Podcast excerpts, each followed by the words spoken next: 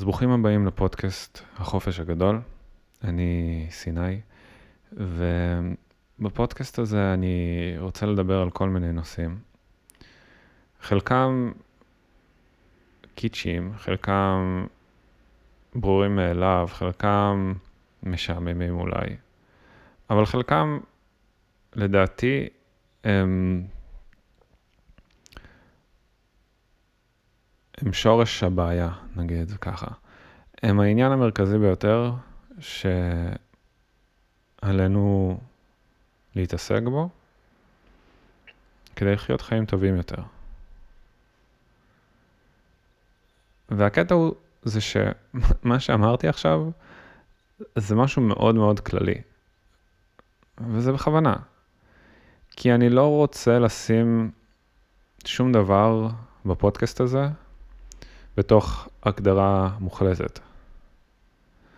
לא מפני שאני חושב שאין הגדרות מוחלטות או דברים מוחלטים בעולם, אני חושב שיש,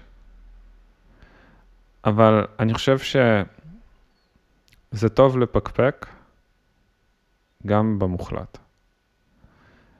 אולי אפילו כדאי, אולי אפילו צריך. ואני רוצה באמת בפודקאסט הזה לקחת את זה למקומות ש... אולי יש פודקאסטים שעשו זאת לפניי.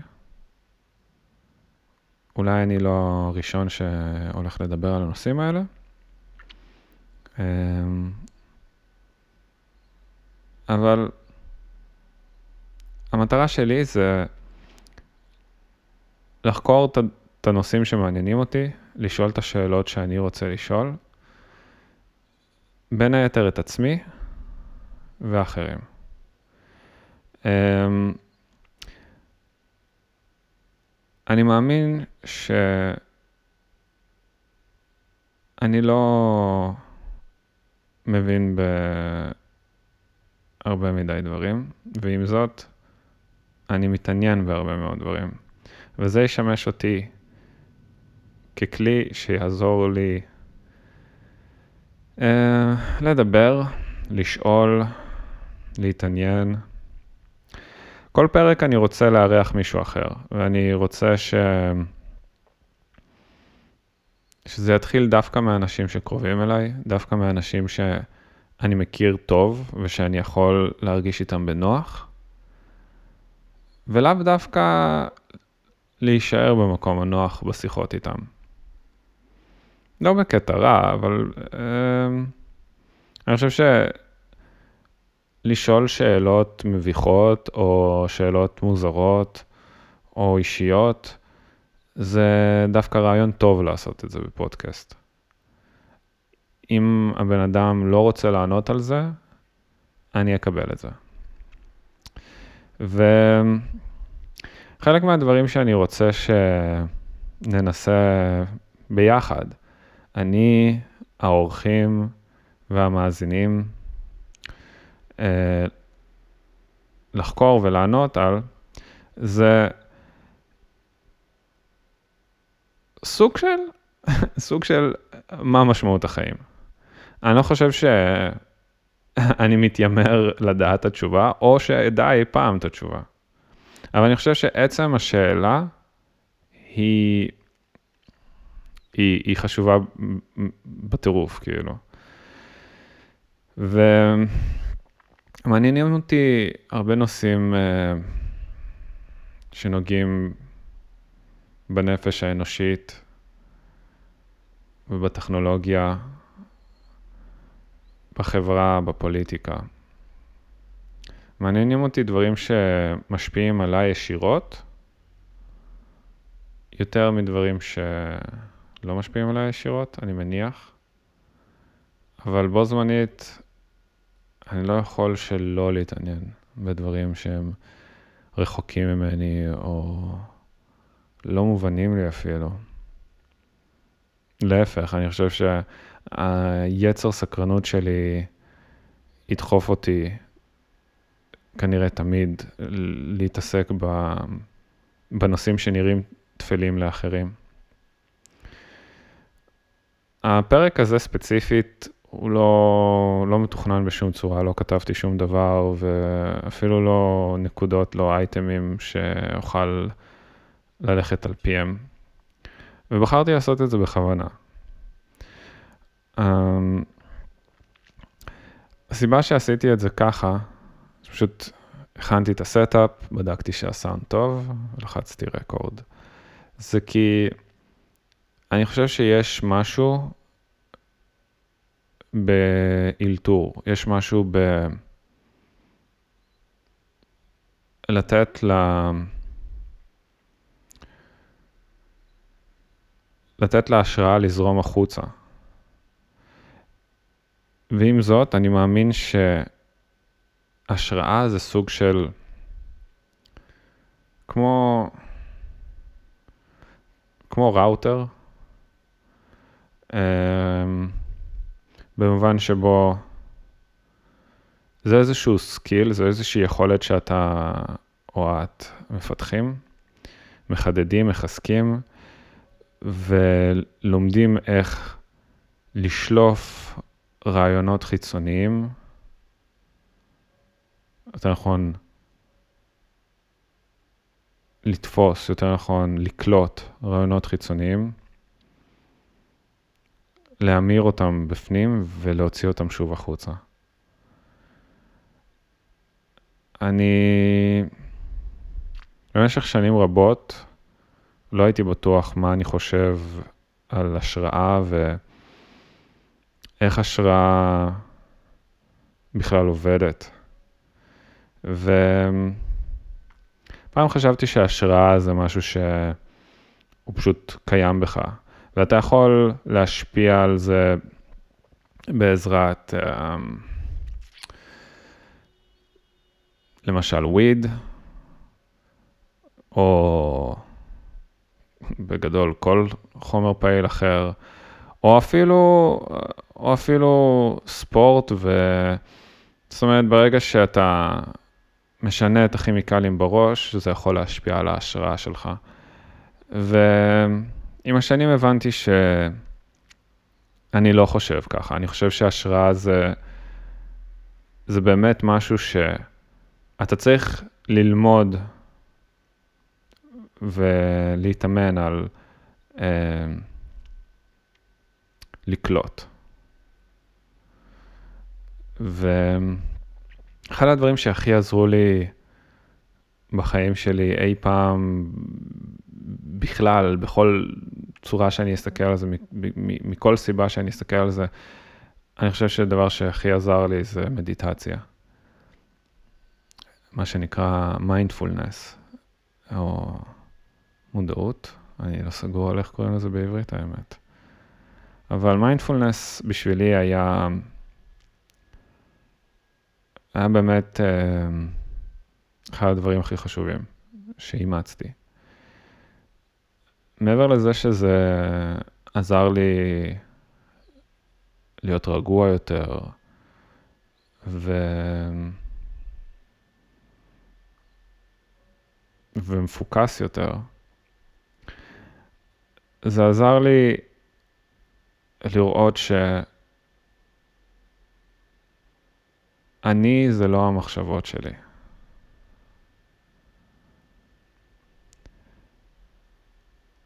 ודרך זה הבנתי שאני זה גם לא הרעיונות שלי, או הרעיונות שלי הם לא אני.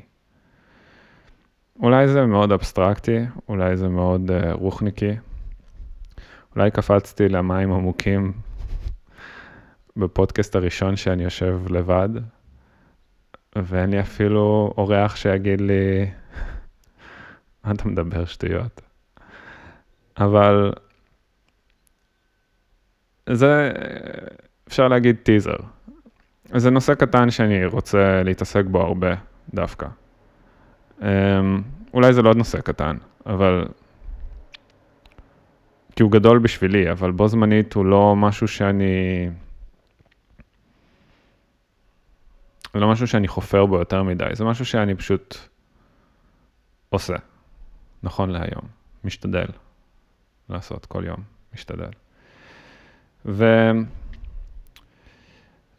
וזהו, וזה בעצם אמ, למה הפודקאסט הזה מוקלט בצורה שהוא מוקלט, ואני לא יודע עד כמה זה יהיה שמיע, אני לא יודע עד כמה זה יהיה כיף לשבת ולהקשיב לפודקאסט הזה. אבל זה חלק מהעניין, אני חושב. זה הניסוי שאני עושה עם עצמי בעצם. בספרות, בכתיבה, יש את הטכניקה שנקראת Stream of Consciousness. Um, אני לא בטוח אם זה מתורגם לעברית לזרם תודעתי, יכול להיות שזה מתורגם אחרת, אני לא יודע. אבל הנקודה היא שהרעיון בצורת הכתיבה הזאת זה שהסופר פשוט מתיישב וכותב. בלי יותר מדי תכנון, בלי יותר, בלי יותר מדי מחשבה תחילה, לפעמים עם רעיון כללי, לפעמים בלי, ופשוט יושב וכותב ונותן למילים לצאת. בלי יותר מדי תיקונים, פשוט, פשוט כותב.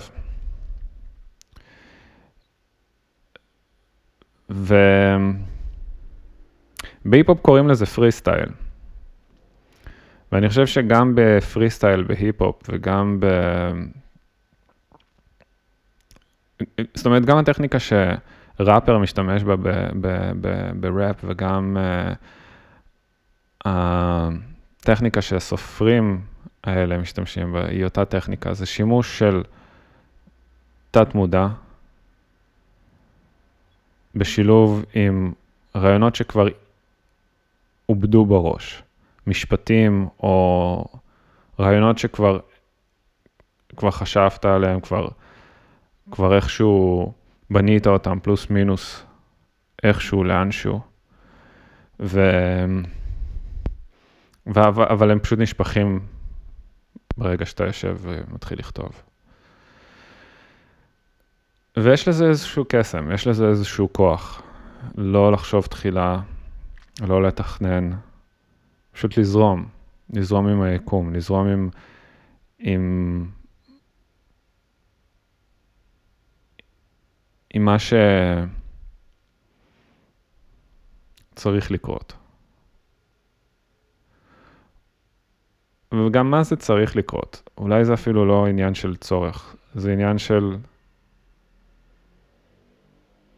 זה עניין של מה בכך, זה עניין של, זה פשוט קורה, זה פשוט קורה.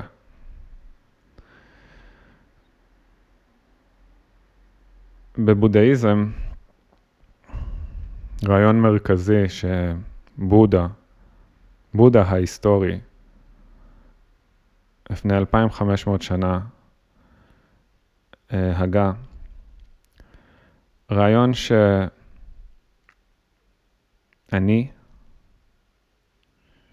אני המתבונן.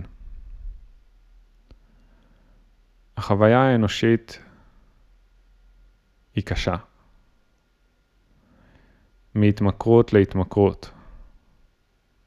החוויה האנושית עצמה היא ממכרת. עם כמה שהיא קשה היא ממכרת. החיים הם סוג של סאדו-מאזו. ועם זאת,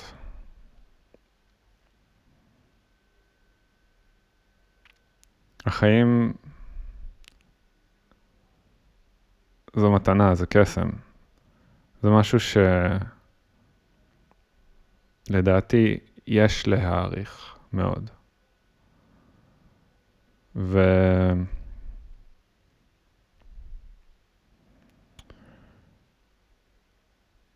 למעשה בודהיזם רואה את החיים בתור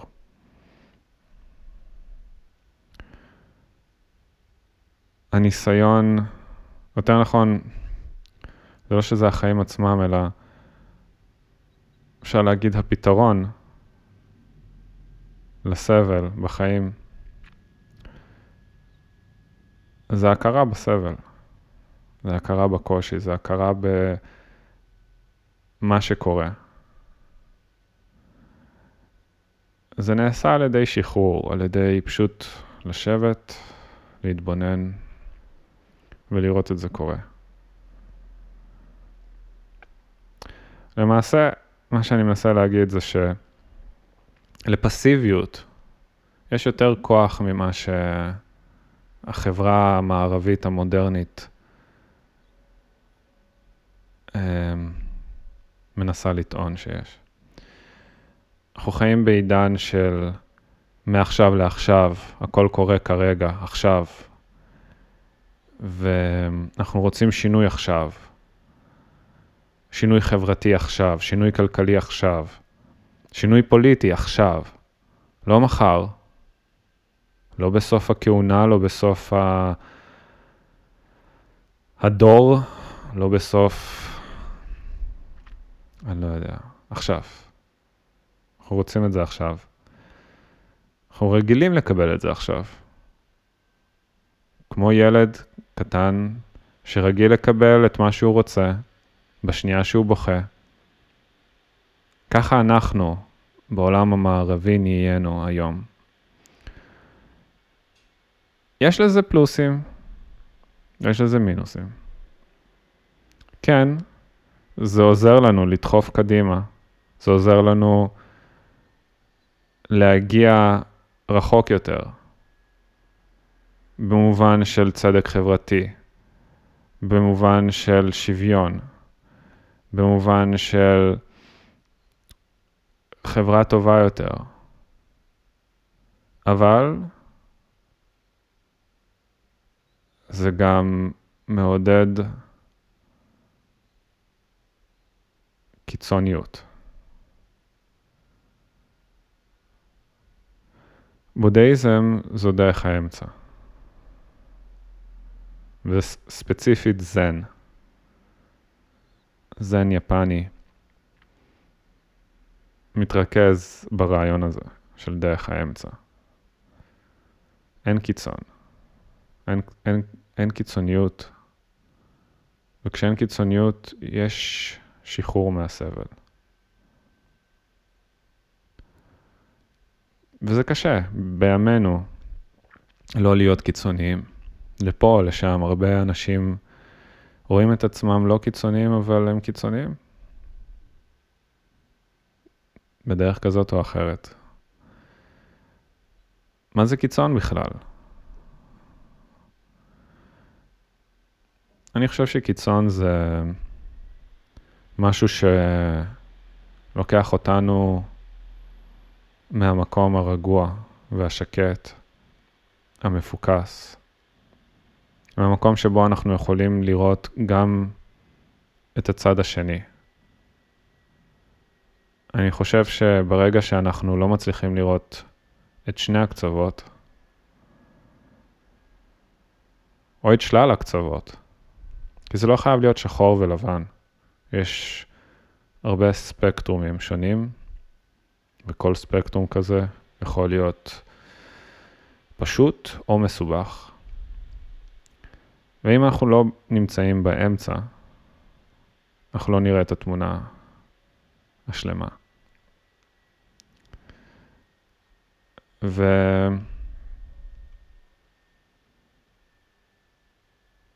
זה למה אני חושב ש...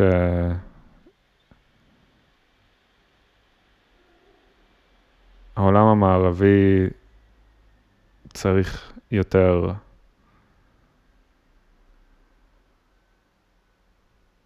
מהשקט הזה, מהרוגע הזה, מהאמצע הזה. אנחנו חיים בזמנים אה, מדאיגים, בלשון המעטה. אה, הפודקאסט הזה עכשיו מוקלט ביוני 2020. אמצע יוני 2020. אני קורא לתקופה הזאת אה, אפוקליפסה משעממת. אני קורא לזה ככה מאז שתקופת הקורונה התחילה, ולאט לאט השעמום מתחיל להיות מעניין יותר ויותר. ואני מתחרט על זה שזה שעמם אותי. אני מתחרט באיזשהו מקום על זה שזה נהיה מעניין. לא, לא, לא יודע אם זה מה שרציתי. כשקראתי לזה משעמם, קראתי לזה ככה כי אנשים ראו בקורונה את סוף העולם, ברגע שאמרו לכולם להסתגר בבית והתחילו להעריך את מספרי המתים הפוטנציאליים, וזה היה נראה כמו סוף העולם להרבה מאוד אנשים. ואני חשבתי, איזה סוף עולם משעמם. איזה דרך משעממת לסיים את העולם, אה? לא באמת חשבתי שזה סוף העולם כמובן, אבל... אבל עכשיו, למרות שאני עדיין לא חושב שזה סוף העולם, אני חושב שהעניין הרב הזה הוא סוג של תוצר של השעמום, וכנראה שההבחנה שלי לא הייתה כזאת ייחודית. זאת אומרת, זה שאני חשבתי שמשעמם, כנראה הרבה אנשים הרגישו את השעמום הזה. אולי הרוב. מה שגרם להרבה ממה שרואים כרגע בעולם, ובעיקר בארצות הברית. אני לא טוען שזה רק שעמום, אני טוען שההקצנה של מה שקורה זה, זה נובע מהשעמום. הנושא החברתי עצמו הוא הרבה יותר מסובך. הלידה של המחאה בארצות הברית כרגע היא הרבה יותר מסובכת משעמום. היא תולדה של שנים ארוכות של חוסר צדק, של גזענות, חוסר הקשבה, חוסר הבנה. אני לא חושב שהקיצון יפתור שום דבר. קיצון רק מביא לעוד קיצון. יש מספיק מהפכות היסטוריות שיעידו על כך.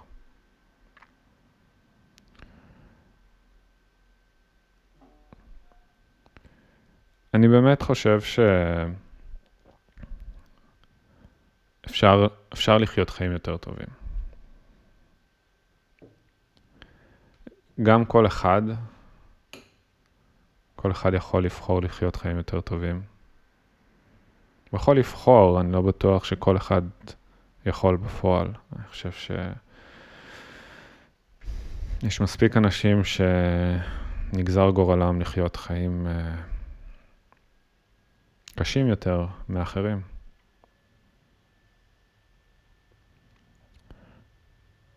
אבל אני חושב שזה חלק מהרעיון הבודהיסטי.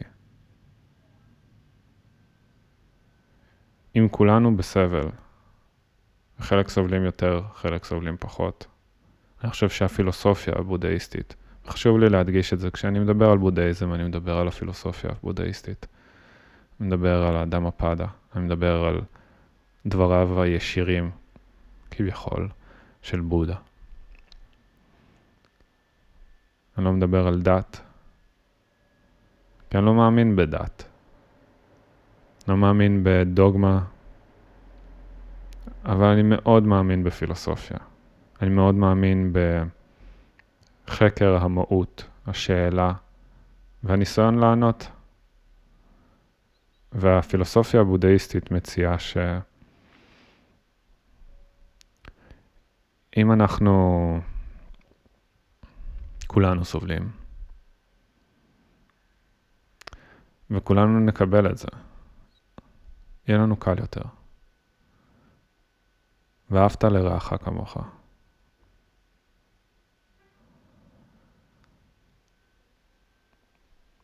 אם לי רע ולמישהו אחר רע, לא תמיד, לא תמיד זה משנה אם למישהו רע יותר או למישהו רע פחות. עצם ההבנה שרע גם לאחרים יכולה לעזור לנו לקבל את השונה. לעזור לחלש.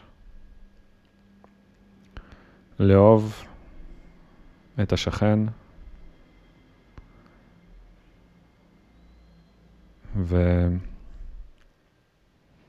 וזה ערכים שאני מאמין בהם ומשתדל מאוד לחיות על פיהם. אני לא מושלם, אני רחוק מזה. אבל אני שואף להגיע לחופש הגדול. מה זה החופש הגדול? זה זה. זה להיות חופשי מסבל. האם אני אי פעם אוכל להיות חופשי ממנו לחלוטין? האם אני באמת אגיע לחופש הגדול? לא. אני יודע שלא. אבל אני שואף, אני שואף לשם. ואני חושב ש... במקביל לעניין הפסיבי, שאני חושב שהמערב צריך לאמץ יותר, לא רק המערב, אבל אני חושב שבעיקר המערב. בנוסף למצב הפסיבי שיש ללמוד להיות בו, להשתמש בו, ללמוד ממנו, לשבת, להקשיב, לשים לב. יש מקום לפתח את הצד האקטיבי. וכשאני אומר צד אקטיבי, אני לא מתכוון לצד אקטיביסטי. אני לא מתכוון בהכרח ל... לכתוב השטגים כשמשהו קורה בעולם שאנחנו לא מסכימים איתו או רוצים לשנות אותו. אני לא חושב שהשטגים זה מה שישנה את זה. אני חושב שאקטיביות זה להיות מודע, להיות פעיל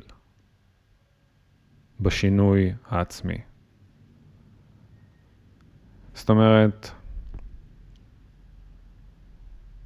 כמו הרעיון הטאואיסטי של יינג ויאנג, אם אנחנו יכולים לשבת בשקט ולראות, פשוט להתבונן. אנחנו יכולים לראות גם את הרע, אנחנו יכולים לראות גם את הטוב, אנחנו יכולים לראות את הטעויות. ואז מגיע הצד האקטיבי. אנחנו יכולים לפעול, לשנות את הדברים האלה. לא בדיעבד, לא לאחור, קדימה. למנוע אותם ככל שניתן. ואני חושב שזה מה שאני יכול להציע. זה גם לא אני, זה הוצע לי. אני מעביר את זה הלאה. זה מה שאני חושב שיכול לעזור לעולם ב-2020. איזון, דרך האמצע, יינג ויאנג.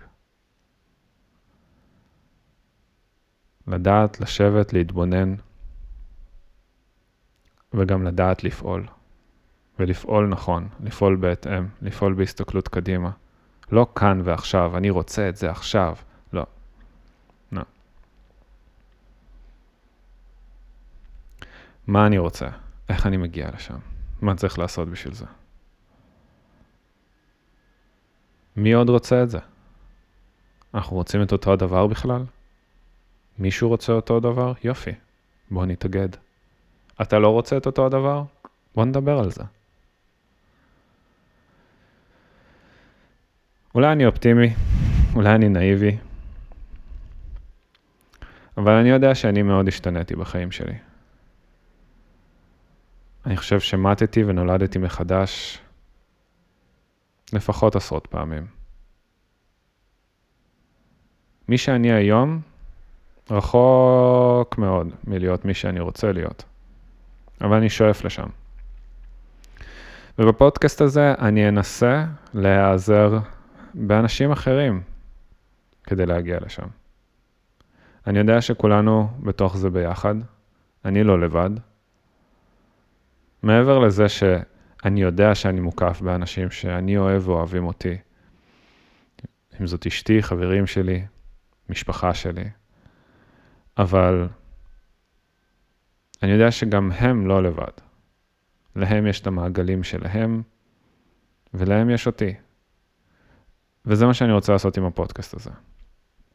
להתחיל ממי שקרוב אליי, לשבת ולדבר. לנסות להבין מה הם עושים נכון, מה הם עושים לא נכון, מה אני עושה נכון, מה אני עושה לא נכון.